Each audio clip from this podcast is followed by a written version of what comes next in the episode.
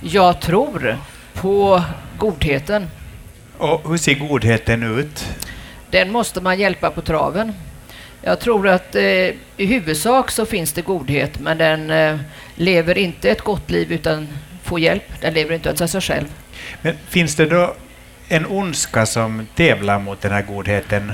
Ja, det är jag övertygad om. Det är det vi ser varje dag runt hela världen. Att eh, ondskan försöker tränga sig på. Ibland tränger den ut godheten också. Men det är då vi alla övriga måste finnas där och försöka rätta till det hela om det är möjligt. Men här är det en spännande fråga. Är godhetens motsats, är det ondska eller är det likgiltighet? Det tycker jag är en intressant fråga, för likgiltigheten kan ju bli ondskans eh, följeslagare om inte annat. Jag tror att ondskan i alla fall leder, men följeslagaren är just en som går bredvid eller snett bakom. Oh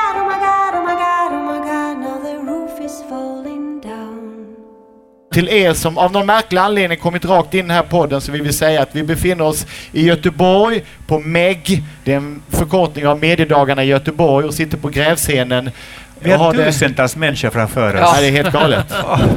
Det som, Håkan det som kommer ta Håkan Hellström två dagar att få in på Ullevi, det gör vi på en timme. Det gör vi på en timme. Och vår gäst idag är den förtjusande Britt-Marie Mattsson!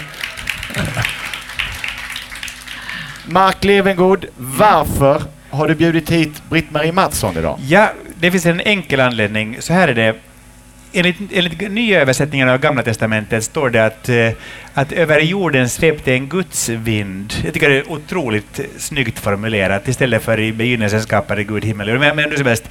Och då tänkte jag så okej, okay, vem skulle vara en gudsvind? Jag tänkte, jo men Britt-Marie Mattsson, hon är en vind.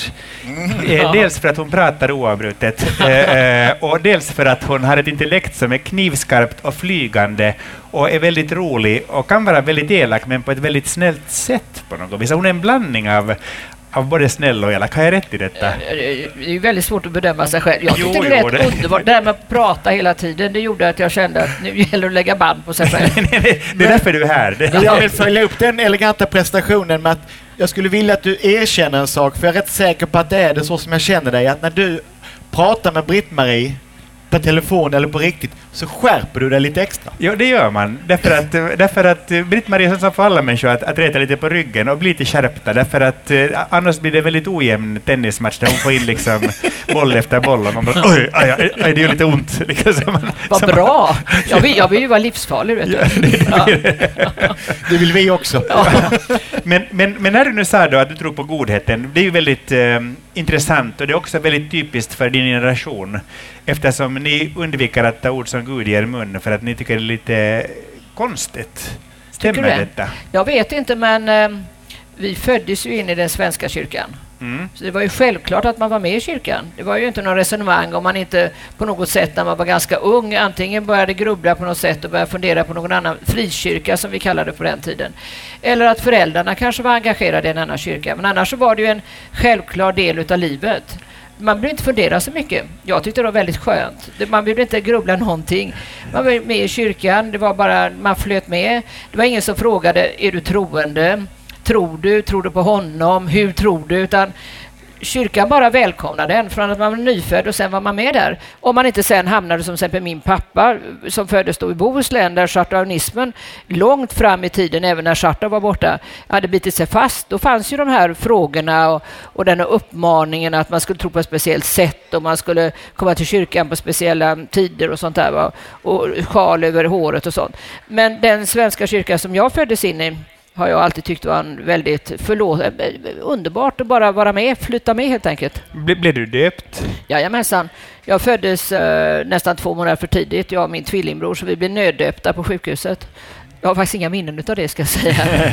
Men så var det också. Det var, det var ju viktigt då att, att man var döpt när man var sådär liten och eh, det stod och vägde om man skulle klara sig och sådär.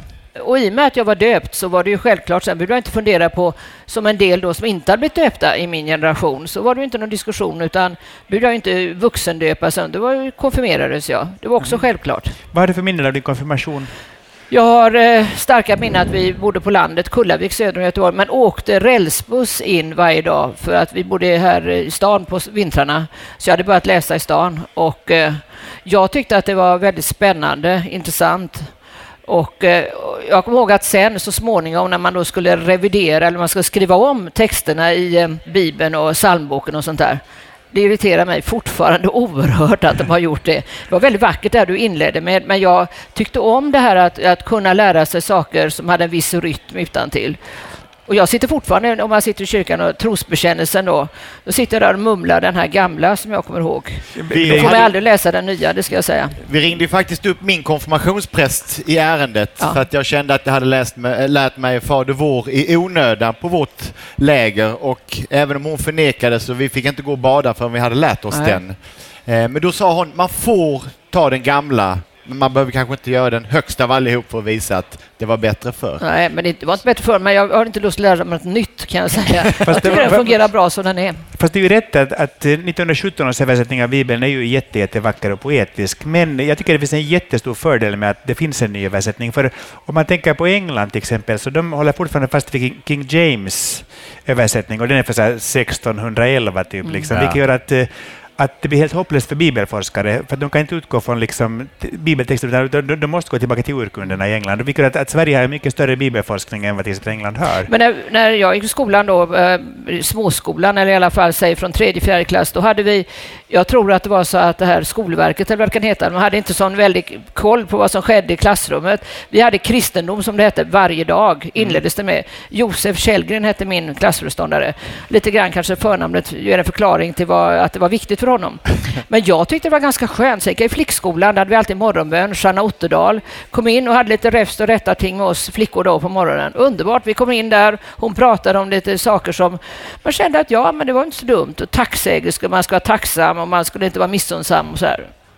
Det tycker jag var härligt, måste jag säga. Vi, vi börjar varje dag i min skola. Det, jag gick i folkskola fortfarande och då hade vi en tramporgel i klassen. Och då satt sig fröken vid tramporgeln och, det, och den tramporgeln hade typ astma, för det var så här... och, och, och sen hojtade vi oss genom blott en dag och triggade räkan och alla det. Liksom. Och, och, det var väldigt trevligt tyckte jag. Inte, inte, inte tog vi direkt skada av det. Men framförallt var det ju ingen som krävde att man sen skulle man behövde ju inte sitta och förklara att man var troende, trodde på honom och hur tror du då? Eller så. Det bara ingick. Och det, ja. mycket av den här kristendomsundervisningen som jag fick i alla fall i skolan, den var ju mycket inriktad på att man skulle vara anständig människa. Lite sådär lite uppfostran var det helt enkelt. Och framförallt så eh, anledningen då att jag också då alltid har stannat kvar i Svenska kyrkan är ju att kraven på mig är minimala. Det är ingen som frågar varför du inte varit där och varför kommer du nu och vad vill du egentligen? Eller vi har inte sett dig på två år och nu kommer du här på dagen för julafton och vill ha lite stämning här. ja, och det gör jag ofta och det är aldrig någon som frågar varför jag gör det. Jag tycker det är en förlåtande kyrka som ger mig en slags, eh, när jag vill så ger den mig en harmoni. Den är icke-krävande. Det är fint. Men blev du en anständig människa? Det vill jag inte påstå, kanske, fullt ut. Men det var i alla fall att det var vissa sådana här allmänmänskliga värderingar som kom in mm. i bilden. Sen har jag eh, också som journalist bevakat Mellanöstern en hel del och eh, Särskilt då kommit till Israel och Jerusalem och sådär. Det är på något sätt det här som jag hade lärt mig när jag var liten. Det var ju fascinerande. Getsemanes örtagård. Jag hade fått för mig att det var höga träd. Hur kan man tro det när det inte är örtagård? Man är ju en idiot förmodligen. Men det var fantastiskt tyckte jag att den här barndomens äh, lilla söndagsskola och sånt där, den liksom plötsligen så växte den upp framför mig själv. Mm. Och det, det, jag tycker jag jag hade, fick, jag hade mycket nytta, jag har haft mycket nytta av min egen eh, vad ska jag säga, hemsnickrade tro eller religiositet, vad man ska kalla det för. Fast det, är väldigt, alltså, alltså, det ligger något väldigt spännande i det du säger, att, att man föds in i kyrkan. Eh, det var ingen som riktigt ifrågasatte vad man trodde på. Grejen var ju att man skulle bli, man skulle bli döpt, man skulle också bli konfirmerad, och man skulle liksom himla lite med ögonen och, och mumla, mumla amen, men man skulle inte heller ryckas med för mycket, för då blev ens föräldrar väldigt oroliga. Absolut. Eh, eh för, för man skulle bli liksom lite, lite lagom ja. troende. Ja, men att det finns något fint i det som en del i att vara en människa som tillhör någonting civiliserat, ja. men inte för mycket så att man blir Ja, nej, precis, precis. Och, och, och, man ska inte bli frikyrklig, det, det skulle man... Nej, absolut inte. Alltså, vi är fyra syskon och tre av oss är liksom aktivt troende. Och min mamma, hon, liksom, hon tar ett djupt halsblås och säger ”Men vad fan har jag gjort för fel? Varför blir ni alla religiösa?” hon, hon blir otroligt stressad över detta, vilket ja. är intressant. Men det här känner jag för min, min pappa då, han hade Bohuslän, var född i Bohuslän och Eh, Eh, och Schartau hade liksom fortfarande liksom en liten halvvåt filt över, över hela Bohuslän. Eh, och han var enda barnet och de, hade, de bodde på ett, i ett hus som hette Lyckhem. Och de hade äntligen fått lilla Algot och eh, mina farföräldrar. Och sen alla deras eh, barn, för alla andra släktingar, och kusiner och allt vad det var, hade flyttat till Amerika, hade emigrerat. Och kvar var dessa då Oskar och Frida. Och så hade de då sin lilla pojk och sen hade de då de gamla föräldrarna som tog hand om. Och så bodde de på Lyckhem. Och det är klart att om man då tänker på att pappa då blir föräldralös. Först dör hans mormor, så dör hans pappa, så dör hans mamma. Allt inom loppet av ett år. Och han är en liten pojke ensam på Lycka med sin katt Jonas. Så klart börjar man grubbla här över vad, vad vill Gud med det här? Och har han straffat mig? Och vad mina föräldrar gjort? Och vad har jag fel på mig? Och sådär, va? Och någonstans där tror jag att han även som en liten pojk tänkte att Nej, alltså han vill inte säga att det inte fanns någon gud. Det, var, jag naturligtvis säga, det fanns ju något, va? men det var i alla fall ingen som hade straffat honom eller hans föräldrar för någonting. Och han jag kommer att prata med honom senare att det måste vara förfärligt att sitta ute på landet va? och så vara helt ensam. Så fick han komma till stan. Då, sa, då vände han på allt jämt och han sa så här att nej men eh, du vet, eh, det, det, var ju fantastiskt. Jag hade nog blivit kvar där på landet söder om Uddevalla för evigt med min mamma då, tror jag. Och så hade jag väl tagit över Lyckhem, och så hade, men nu fick jag komma till stan. Jag fick studera och, och jag fick utveckla mig. Jag började med politik och jag började med ja, allt vad han kunde. Han hade ett sätt att vända på detta. Jag märkte på honom att när jag gick i söndagsskolan och det var någon lite mera åt chartanska hållet, kan man väl säga. Lite mera gammelkyrklig, som försökte ta tag igen där. Va? Jag skulle gå lite oftare helt enkelt, inte bara på söndag.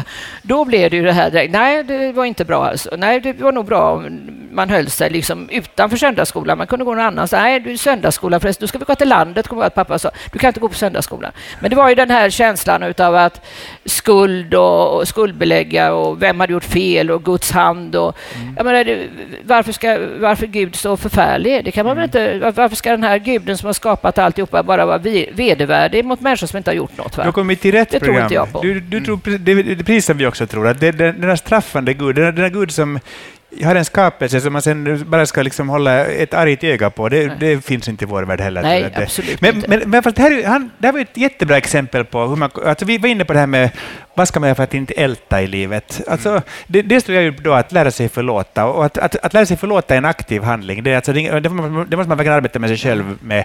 Men också att våga anta utmaningar. Ja. Jag menar, vad gör man om folk dör ifrån en? Vad gör man om man måste flytta? Jo, men någonting nytt föds där också. Det, det är nya dörrar som slås upp hela tiden. Liksom. Och även den graderingen som jag tycker så mycket om, att förlåta kan man välja själv om man vill förlåta eller ej, men vad man måste göra för sin egen skull är att försonas. Ja om det är då en händelse som har satt djupa ärr eller förändrat ens liv på något sätt. För mm. att kunna komma Men det är, vidare. Det är, det är väl ändå lättare sagt än gjort. Alltså lite, lite, Verkligen. Jag tror på lite ältande ändå. Man måste få älta, man måste få gå igenom det med sina vänner. Ja. Tjata liksom, håll huvudet på dem och de tjatar huvudet på dem själv. Så håller man på där. Och till slut har man då kommit igenom detta och har man då kanske inte möjligheten att klara av det här själv är lite större, mm. så kanske man då ska eh, gå till en psykolog eller något som hjälper en att hamna på rätt väg. Va?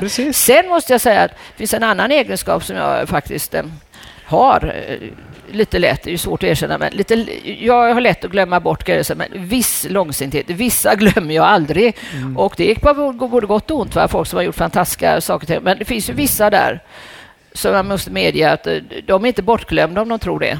Nej, man och, har en liten svart bok absolut, i hjärtat. Absolut, och det är läget man någon gång, alltså inte direkt sätta krokben, men man, jag tänker å andra sidan inte tala om om det, inte någon, om det står någon på väg att sätta krokben så tänker jag inte berätta det. Va?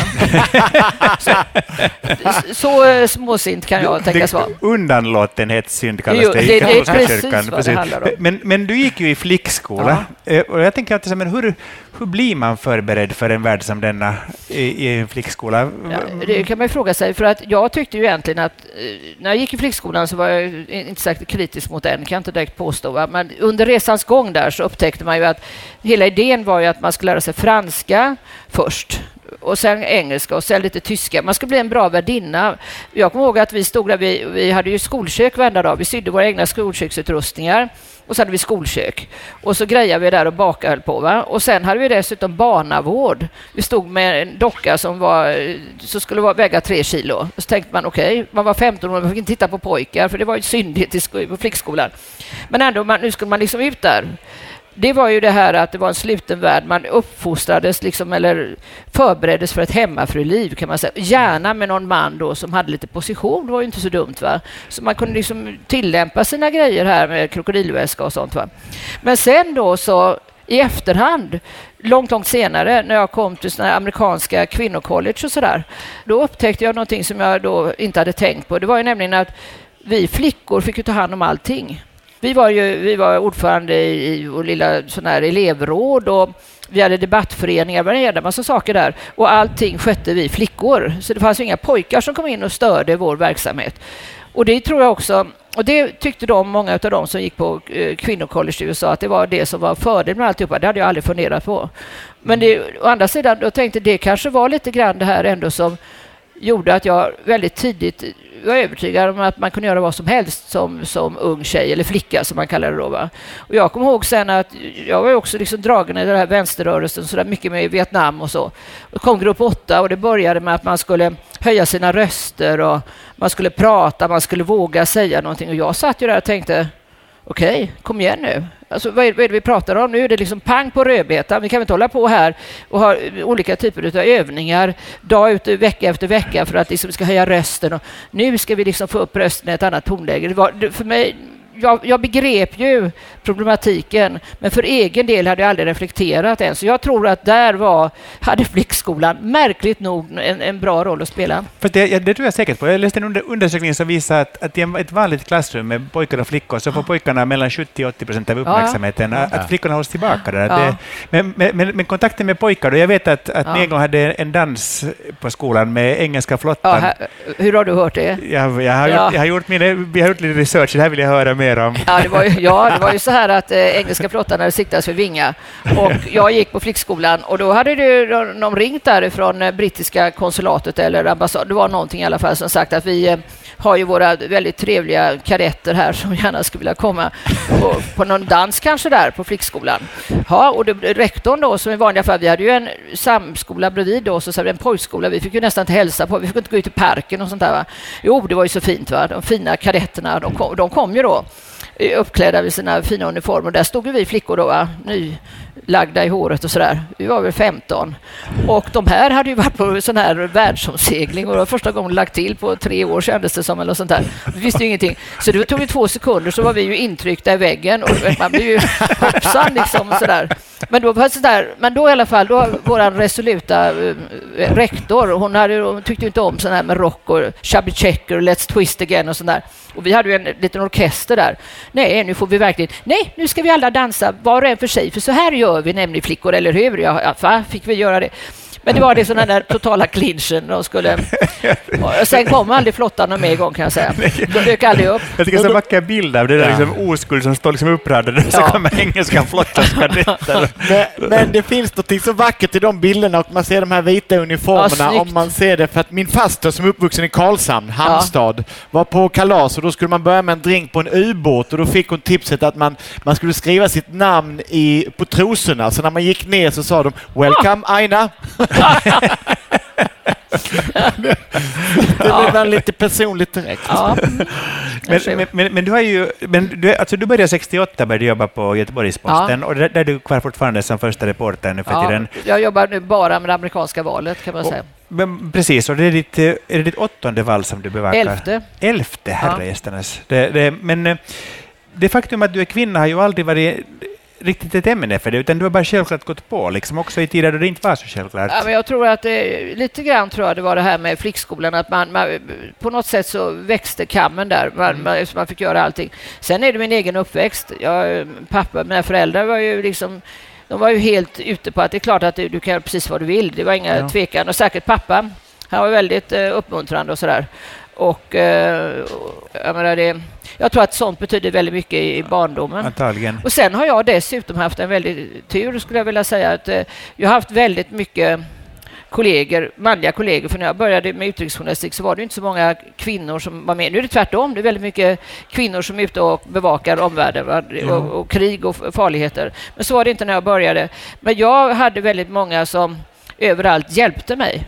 Ja. Och eh, trodde på mig och sa att det här klarar du och herregud, och klart ska jag göra det och, och sänd ut med en själv och sådär. Det, det har också betytt mycket. Fast det, jag tänker så att jag har en dotter nu som är tio år gammal och, och, och jag tänker så jättemycket på de sakerna. För jag märker att eh, hon och hennes väninnor, när de talar med varandra på telefon, så då höjer de sitt, eh, sin naturliga röst och börjar Hej, det är Anette! Och jag tänker, men vad är det 2016 som gör att de fortfarande måste liksom Ja. göra sig söta?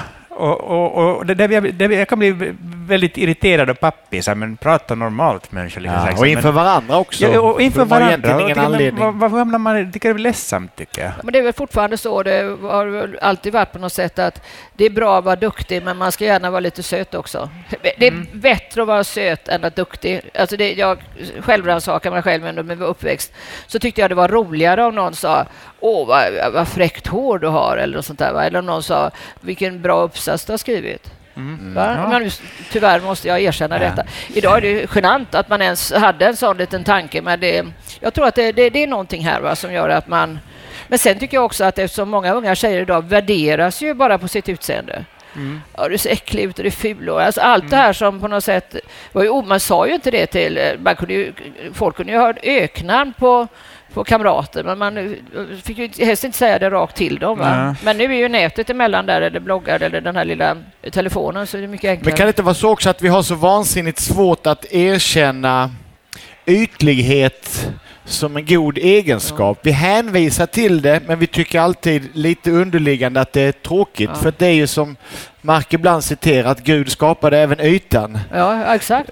Och jag tycker också det att, att om man nu har en vacker yta och kan utnyttja den och kanske inte har så mycket annat än den då, så gör det då, Ja. tänker jag. Va? Och eh, om man då eh, har någonting eh, där man kanske är duktig eller begåvad, då får du utnyttja det då. Utnyttja vad du har. Det, så är det. Ja.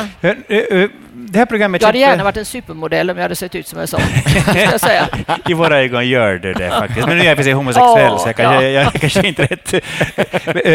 Jo, nu ska jag göra en vulgär analys. Och det gör jag alltid nu i det här programmet. Jag brukar alltid ha fel. Ja. Men, men, Men, det är alltid en höjdpunkt. Men, men jag tror så här, om Britt-Marie tror jag så här.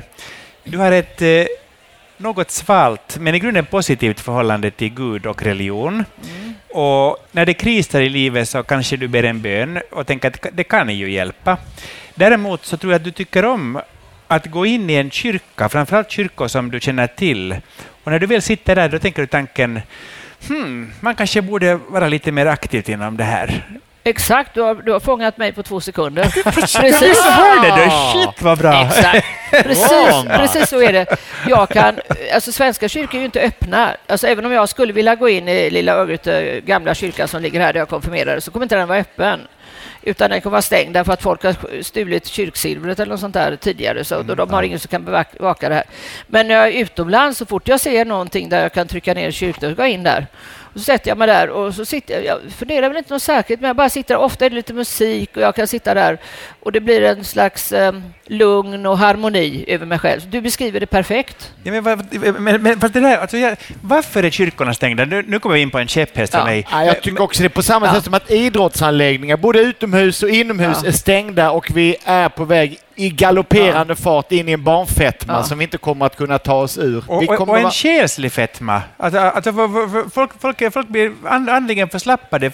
Man får en fettsjäl. slagg mellan öronen. Men, men, men, men tänk dig att ta en kyrka. Ta en kyrka, lyft ut det där, där silvret. Ja. Det behöver ju inte vara där. Och ställ in någon, ställ in någon Jesusbild eller någon, ikon eller någonting som är helt värdelös, Ja. som inte gör någonting om det blir stulet. Men, Ja. men, och, och ha, det, ha det öppet på nätterna. Ja. Ha någon diakon, ha någon frivillig Ja. som, Ja. som, som är där. Så, och, det är därför att det är på nätterna som folk mår dåligt. Och då, och då att veta att man kan komma till en kyrka och bara sitta, det skulle betyda så otroligt mycket. Svenska Alltså- kyrkan har en jättebra app som heter Kyrkguiden där man kan få reda på var man kan gå i mässa och hur Ja. dags det var. Ja. Och den borde också ha en liten eh, del där man har nattöppna kyrkor. Jourhavande kyrka, det, räcker, Åh, det, det, det, räcker med en per stad så, så, är det, så har man Jag det. är Liksom. helt med. Sätter du igång en kampanj så skriver jag på Ja, direkt. bra, Hashtag Ja, utan tvekan. Ja, absolut. För jag tycker också det här, alltså, jag kan förstå då alla det här med vandalisering och folk bär sig illa åt allt vad du kan tänkas göra och sånt där. Men om man får kyrkan som en, en del av vardagen. Va? Jag tycker det, alltså när barnen var små så hade de ibland hade de sån här, eh, de hade taxe, inför tacksägelsehelgen och sånt där. De var väldigt duktiga på det alltså i, i Skårkyrkan som ligger här borta. Agneta Olsson heter hon för övrigt, en fantastisk präst i Göteborg. Och hon kunde då, hade förmågan att eh, prata med barnen om att lite tacksamhet och vad det betydde och sådär. Jag gick dit, jag satt med där och jag kände mig upplyft också. Och de satt ju där i alla fall och sa att man kanske ska vara tacksam, man ska inte vara tacksam för att ha fått en ny Nintendo och sånt. Som Nähä, och då, och då men det, det, var ju någonting, alltså överhuvudtaget den här eh, känslan att det fanns någon, någon slags andlighet eller eh, överhuvudtaget en omfamnande av mig själv. Mm. Bara på vägen till, till jobbet, exempel, att bara kunna bara gå in, sätta sig fem minuter, lyssna ja, lite. Precis. Det, det, men det, det, det är ett ljus som man vill... Det, ja. alltså det, det, är så lite som krävs, men ja. att det ska finnas. Har, har du märkt en sak med Britt-Marie?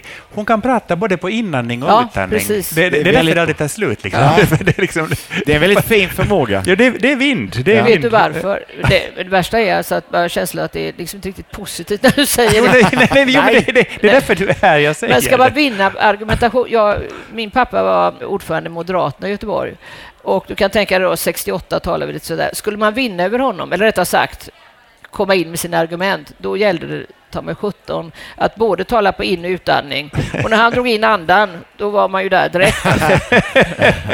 vi, vi, vi, vi, har, vi har forskat, var inne i pressarkivet och sökt ganska mycket på det och det finns ju otroligt mycket material, men det mesta har du skrivit själv. Det finns väldigt få personporträtt på dig och det verkar som du har haft en ganska hemlig, eller, eller, eller, eller inte hemlig, men du har, du har skilt på det privata och det personliga.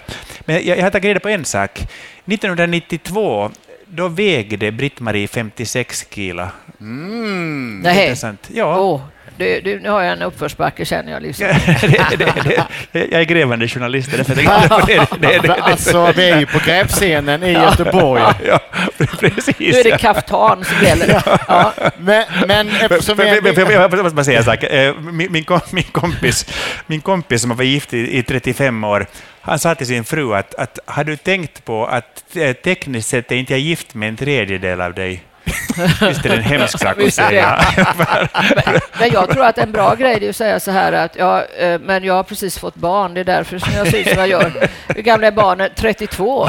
Ja, ja ni vet vad det gäller. Men där är vi ytan igen. Ja. Men vi har varit runt det lite grann innan och så vidare. Och jag tyckte det var bra att vi slog ett slag för de öppna kyrkorna. Och vi ju, har ju talat tidigare om att vi tycker att kyrkan i sig gör så mycket bra arbete. Mm. Framförallt tror vi att när man summerar den här uh, folkvandringen som pågår, som vi har valt att kalla flyktingkrisen, att kyrkan kommer ha ett rent samvete när man summerar det om, om många år. Men i partipolitiken så nämns aldrig Gud, kyrkan, troende. Till och med KD som heter Kristdemokraterna mm. värjer ju sig och vill gärna inte prata om detta i konkreta termer. Och då vill jag fråga dig Britt-Marie som har följt det amerikanska valet valen i så, så många år. Där är ju presidenterna noggranna med God bless och där ska man ha koppling till kyrkan medan i Sverige ska man vara ren från det. Skulle det gå att bli amerikansk president och ha ett sånt förhållande till religionen som vår nuvarande statsminister som man får för sig är helt ja. ren? Nej, det, jag tror inte idag att det skulle vara möjligt faktiskt därför att nu, man kan säga det att det är fler och fler som säger att de inte Eh, tillhör någon kyrka och faktiskt inte tillhör någon. Va? Jag tror att det är en tredjedel och växande. Förr var det ju alla var med på någonting, man var tvungen. Men det var, jag tror att vad som utvecklingen är väl lite grann som att förr var man för att vara presidentkandidat, nu har vi ju en kvinna som presidentkandidat så det gäller inte riktigt, men man skulle ha varit med i militär, man skulle ha varit med i krig. Ja. Hade man dragit sig undan Vietnam, det var liksom en black om foten. Va? Men det har ju försvunnit därför att det, det liksom gäller inte på samma sätt. Men det här med kyrkan, precis som du säger, hänger med. Men jag tror att det är under långsam förändring. Men jag tror det är absolut omöjligt att ställa sig upp och säga att nej, jag är inte med i någon kyrka och för övrigt så är jag ateist. Alltså, ja. Tanken svindlar. Och det var ju en sak som då hände med Barack Obama, att eh, var, vem, vem, var han egentligen? Han hade ju bott eh, med sin mamma då i Indonesien. Han har varit i en skola som där gick muslimska barn. Eh, var han kanske inte muslim? Det är det här och så började det. Och, och, så hade han då eh, känt sig... Ja, det är möjligt att han kände att han absolut ville, men han kom in i en svart kyrka i Chicago som var en ganska aktiv svart kyrka. Och då fick han ju skit för det naturligtvis också, därför att eh, uppfattades att den var då inte den mellanmjölk som det var tänkt att en president skulle ha. Mm. Men, men Obama går ju sällan i kyrkan faktiskt. Ja. Fast det, det finns ett underbart klipp på Obama i samband med den där eh, den där eh, massskjutningen i en kyrka i södern, kommer ja. ihåg, för ett år sedan kanske, så åkte han ner veckan efteråt och pratade i en kyrka och sen, sen, tog, sen började han sjunga Amazing Grace. Ja. Har ni sett det klippet? Han har sångröst nämligen. Han har sångröst, ja. men det var, och, och, folk blir ju galna och börjar sjunga med. Det är så vackert. Det är så fint. Att det, men, men fast, fast jag tycker, jag måste, jag måste säga, jag tycker det är väldigt skönt att politiken skiljer på religion, och, eller att vi skiljer, skiljer på politik och religion, därför att det blir ju väldigt geggigt när man börjar banka med Gud som ett argument Men det var väl där den här kristna högern, om vi ska klumpa ihop dem då, mm. kom in som var, väldigt, som var en obehaglig del. Också mm. under Bush kände du, eh, både pappa Bush och eh, W kände att de var tvungna på något sätt att omfamna religionen. Nu var ju han born again, eller han hade blivit, ja, mm. hur som helst, eh, W. Och pappa var väl inte så, så religiös precis, men ändå så bjöd man in de här grupperna till Vita huset under W. De fick inte igenom så mycket, men de fick liksom mer eller mindre sitta där och vara där och vara någon slags lobbygrupp på, i Vita huset, vilket jag...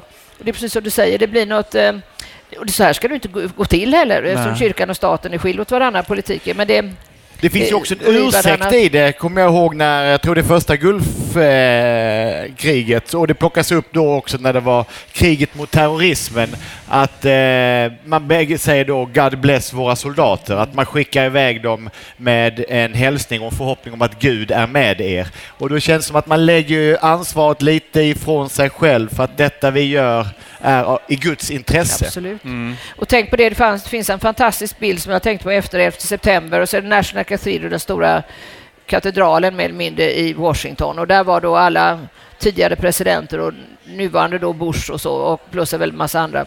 Och då går de ju då genom eh, kyrkogången först fram till altaret då med korset.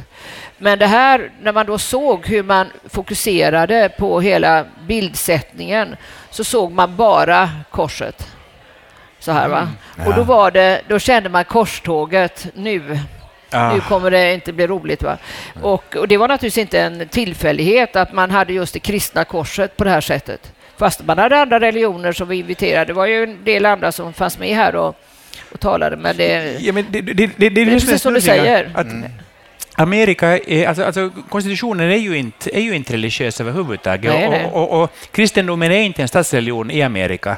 På samma sätt som, som, som engelska är inte officiella språket i Amerika. Det, att, att, att, går man till konstitutionen så, så, så, så, så är det varken engelska eller kristendom, utan allt det är ju bara pålagt som man kan gå på sig längs årens lopp. Liksom, att det, men, men eh, du skrev en fantastisk bok om Franklin Kennedy. Vet du om att min pappa har jobbat för dem? Nej. Jo, jo så min kul. pappa, när, när, när, han, när han blev färdig på Marinakademin, så han var bäst i klassen, ja. marinsoldat, och då har Amerikas president här med sig en slags hedersgarde av fyra marinsoldater när de reser. Ja. Och pappa var en av dem. Så Nej. pappa var med Kennedy till till Kanada och till Paris. Tror Fantastiskt. Och, och, vad, vad fick han för intryck av Kennedy? Jag pumpar ju honom. Ja.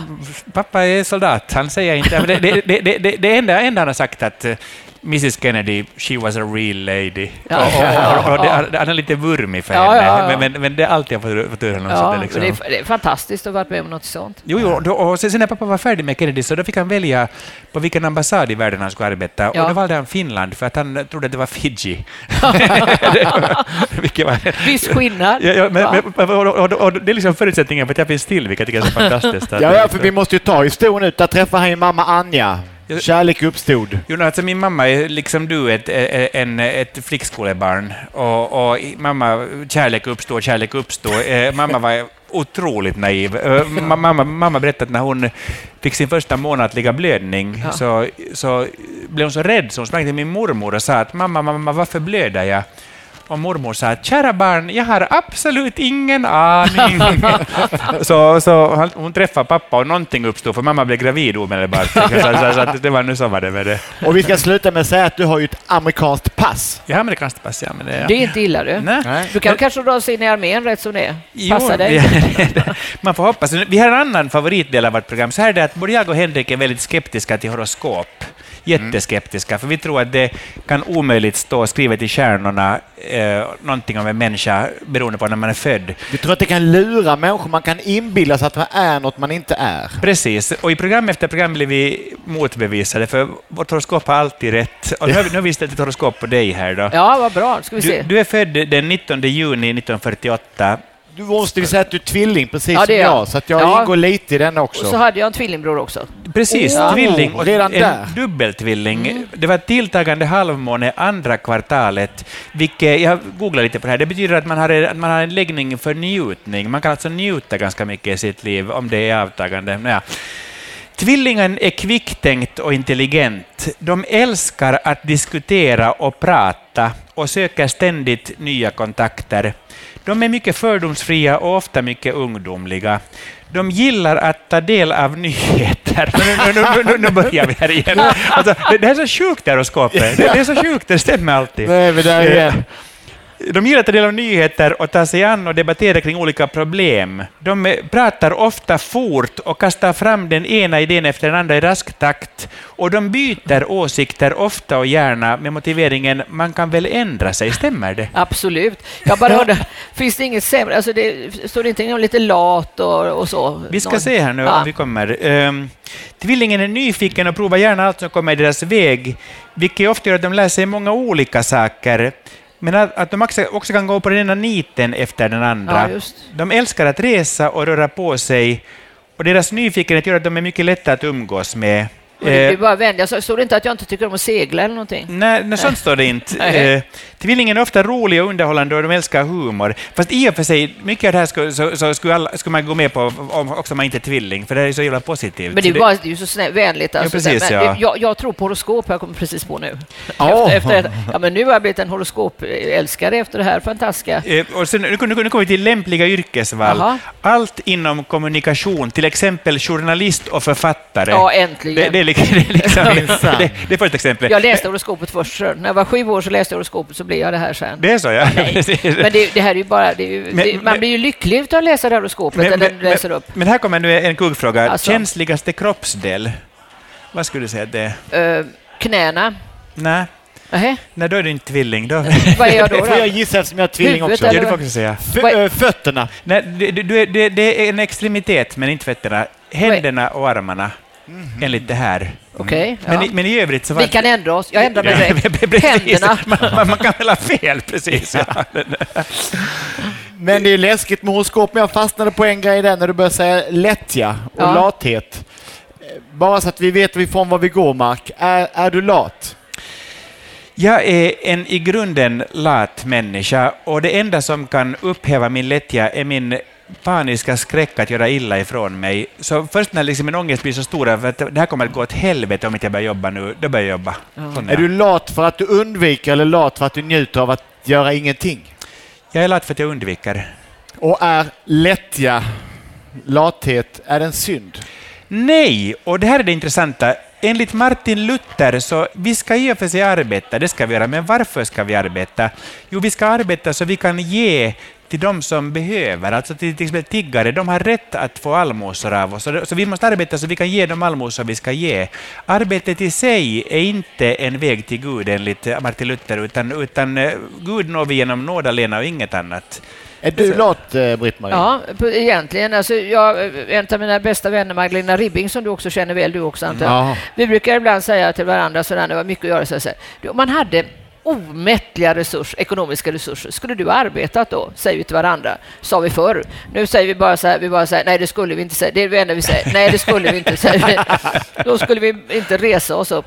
Nej, men, det är, det, men det är precis som du säger, det är ju det här att, att det, det är det här lite flickskolan, Mark, måste du hålla med om. Att man ska göra, gör man någonting så måste man göra det nästan lite bättre än vad man behöver. Ja, man ska liksom förtjäna att man får sitt lönekuvert. På Ja, men sätt. är det då det som är motsatsen till lättja? Är det då lönearbetet? Alltså om jag inte behövde arbeta en enda sekund, om Mm. jag, om jag hade de ekonomiska resurserna, så skulle jag inte arbeta. Nej, jag tror inte heller att jag Absolut skulle inte. göra det. Nej. Och jag tror heller inte att jag skulle bli sittandes eller liggandes. Jag skulle göra en väldig massa andra saker. Nej, nej, men vänta nu. Eh, Det som skulle krocka, det är, vårt, det är vår kreativitet. Jag tror människan har en inneboende kreativitet. Vi vill skapa saker där ingenting finns just nu. Så Ja. det, och, och därför tror jag att vi skulle, vi skulle i och för sig inte lönearbeta, men vi skulle ändå göra... Alltså, häromdagen när jag var ledig, jag hade ingenting jag behövde göra. Jag hade ingen bok att läsa, jag hade ingenting, ingenting som, jag, ingen som väntade på någonting. Då gjorde jag päronsylt med vanilj och Ja. ingefära, vilket är helt... Min, min familj bara stirrar på mig, för de vet att jag går liksom inte nära ett kök i vanliga fall. Men kände att jag måste göra någonting för Och då fick här du dagen... beröm. Du fick du beröm. Jag fick faktiskt beröm. Just det, det är det vi är ute efter. Så vi är ute efter lite, det är det som är trevligt också, att man får lite beröm. Vad duktig du har varit. Som Ja. man var liten, när man la två klossar och sådär. Och vad duktig du är, lilla Britt-Marie. Det kan jag fortfarande känna att det, det kan få mig att gå igång och göra nästan vad som helst om någon säger någonting. Vad bra, du var duktig du var. Men säger ingen det så kan jag liksom också... Då kan jag dra ner lite grann på takten. Men, men, men är det dåligt att vara duktig eller det inte, inte dåligt att vara duktig? Nej, men jag tror att det är bra att försöka vara så duktig som möjligt. Faktiskt. Men det att finns ju något att väldigt- inte fuska alltså, i stort Nej. sett. Men det finns ju något väldigt trist över att vara duktig också i bemärkelsen att göra så man blir tillsagd Ja. för att uppfylla tillsägelsen. Ja. Alltså det är alltid roligare att eh, plocka undan någonting på egen hand. Det kände man ju redan när man var barn, att man gjorde någonting, man fick den här uppskattningen, eller om man blev tillsagd, för då fick man ju inget beröm sen. Ja. Om jag, nu så här, om jag plockar undan allt detta så kommer ni säga "Åh, tack vad fint det blev här. Va? Men om jag sen blir tillsagd kan du vara vänlig att ta bort ett eh, glas, då får jag ju inget beröm. Du får ju mer än eh, liksom, tvärtom. Så att det här att, att man eh, gör någonting som man får beröm för, det är naturligtvis viktigt. Och om man gör samma sak därför att man blir tillsagd som du är inne på. Det, är- det är För- liksom för- jag, jag märker med mina barn, för, så jag, jag undviker att använda, fram- framförallt med min dotter, undviker att använda ordet duktig. För, för, för att jag tycker att hon har en sån inneboende Liksom, att hon försöker vara duktig. Så jag, försöker istället liksom frasera det på ett annat sätt. Att det, här, det här har du gjort jättebra, den här saken. Men jag försöker undvika själva ordet duktig, för jag tycker att det Ja. finns någonting Nej, det, det är präktigt lite över duktig flicka och lite... Det är lite Anne på grön. Ja, Men ja, det är en ja, sån där precis. tidstypisk grej att om eh, 15 år så kommer man skratta åt att runt 2015-16 så skulle man säga till sina barn, hade du roligt i skolan idag? Var det roligt på fotbollen? Inte gick det bra? Nej. Gjorde du Ja, mål? Hade ja. du alla rätt? Ja. Att vi är så rädda för att närma oss någon slags prestation för att därigenom sätta press. Mm. Det ligger något i det. Så är det. En annan tidstypisk sak är att det här programmet blir för långt, för det blir det alltid för oss. Det För blir det så mycket alltid. Det blir det alltid. Och därför ska vi börja avrunda. Det gör vi dels genom att tacka Britt-Marie. Du har varit en underbar gäst. Britt-Marie Mattsson! Tack så mycket. Tack. Vi ska vi avsluta som vanligt med lite läsning ur barnens bibel. Bibel för barn. Verkligen. Vi ska säga det att vi är ju här för eh, Bauer Medias räkning, vilket vi är glada för. Men för att kunna hålla alltihop vid liv så har vi en eh, samarbetspartner till och det är förlaget Verbum. Och de har haft den goda smaken att ge ut Bibel för barn som ljudbok. Har du hört den, Mark? Nej, jag har läst in den. Exakt, och jag har läst in andra, och jag har läst in andra halvan. Så vi brukar alltid avsluta de här programmen med att eh, läsa upp ett kapitel. Men eftersom vi redan läst in hela boken så kommer det att spelas upp för någonting som redan är gjort. Därför blir det inte det här härliga publiksålet runt Ja. omkring. Så med det får vi väl tacka för oss. Tack så jättemycket. Tack, för att jag fick Tack så jättemycket. Israels folk lämnar Egypten. Israels folk var många tusen när de lämnade Egypten. De hade med sig får, oxar och kor. Allt folket, män, kvinnor och barn och alla djuren vandrade genom öknen mot Sevhavet. Gud visade dem vägen. På dagen gick Gud framför dem som ett moln och på natten som en eld. Elden lyste upp vägen och därför kunde de vandra både på dagen och natten. När de kom fram till havet stannade de för att vila. I Egypten satt kungen och ångrade sig. Han sa till sina tjänare det var dumt av oss att låta Israels folk gå. Vem ska nu tjäna oss? Kungen bestämde sig för att tvinga tillbaka Israels folk. Han befallde att hästarna skulle spännas för vagnarna. Med alla sina soldater gav han sig iväg. De skulle hämta tillbaka slavarna. Ni har lyssnat på podden Men herregud, en produktion av Studio Lisette. Medverkande var jag, Henrik Jonsson, Mark Levengood, gäst var Britt-Marie Mattsson och vi ges ut av Bauer Media. Den som redigerar det här heter Emil Drogge. Skicka gärna ett mejl till oss. Adressen är men herregud snabela bauermedia.se. Men herregud snabela bauermedia.se. Oh my God.